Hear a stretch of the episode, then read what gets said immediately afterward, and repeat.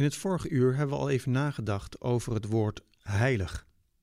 Naar aanleiding van Exodus 19, vers 6, waarin staat dat het volk een heilig volk moet zijn. Een heilig volk, precies zoals God ook heilig is. Nu, als het woord heilig gaat over God, dan roept dat allerlei gevoelens op. Gevoelens van verwondering, nieuwsgierigheid, aanbidding, afstand, angst, ongeloof, onzekerheid. Nadenken of spreken over het heilige, dat doet iets met ons. In de tijd van de Israëlieten stikten het werkelijk van de goden. De goden van Egypte kenden ze allemaal.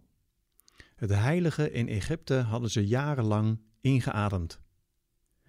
En nu komen ze bij de berg Horeb en laat de God die hen heeft bevrijd hen zien wie hij is.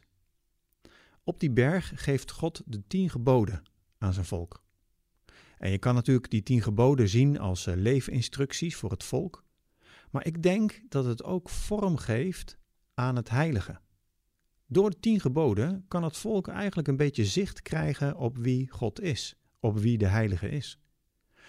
Want die God die je uit een land de woestijn intrekt, wie is die God? En wat is die God van plan?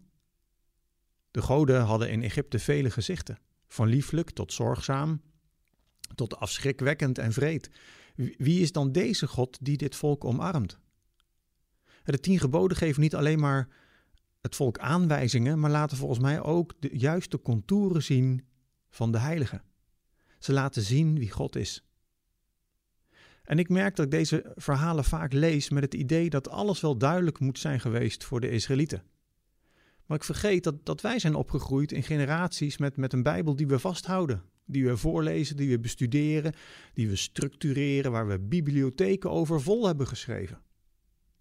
En we kijken terug op de geschiedenis en zien en overzien Gods handelen. Voor ons is het helemaal duidelijk wie God is en hoe God is en hoe het heilsplan eruit ziet. Het is natuurlijk de vraag of dat werkelijk zo is. Maar verplaats je eens in het volk. Een volk dat meer dan 400 jaar de Egyptische goden heeft ingeademd. En die de God die wij zo duidelijk voor ogen hebben, helemaal niet zo voor ogen hadden. Mozes moet vragen hoe hij God moet voorstellen. Alsof wij daar problemen mee zouden hebben gehad. Hier komt het volk aan bij de berg. Ze mogen niet te dichtbij komen. En op de derde dag rommelt het aan alle kanten en beeft het. Wie is deze heilige? Die heeft bevrijd, maar die ook op afstand houdt.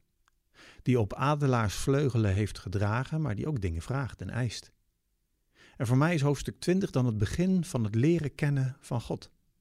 Door die regels die God geeft, ziet het volk ook wie hij is.